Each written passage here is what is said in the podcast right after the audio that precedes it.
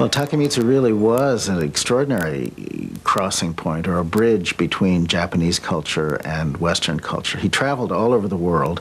He was very interested in sound in any kind of cultural or historical context in film music particularly, he tried his hand at everything, at very lush, romantic kind of music, at very spare electronic music, and everything in between. Have formal musical training. And when he was asked, well, who are your influences? Who, who was your real teacher? Duke Ellington. Duke Ellington was uh, the name that he used, and then he would sort of add Duke Ellington and nature. He was open to sound. And music was sound, nature was sound, birds were sound, the sound of the wind blowing through bamboo. He often spoke to as a kind of ideal sort of sound that he'd like to capture in, in his music. So music for him was much more than notes on a page, it was sound and the totality of sound. Tan Dun, first of all, I admired Takemitsu enormously and I think learned a lot without it being a situation where Takemitsu was teacher and Tan Dun was student. I mean, he learned from listening and from, from being with Takemitsu and seeing the full personality. Toru, I think, sensed in Tan Dun something of the same things that he himself had gone through as a younger man, as a younger composer. After all, Takemitsu came out of Japan onto a world stage and was always expected when he was in Europe or America to be behaving in a Japanese way. He was just trying to be himself. He was doing music that he thought was a, of, as music. He wasn't writing Japanese music.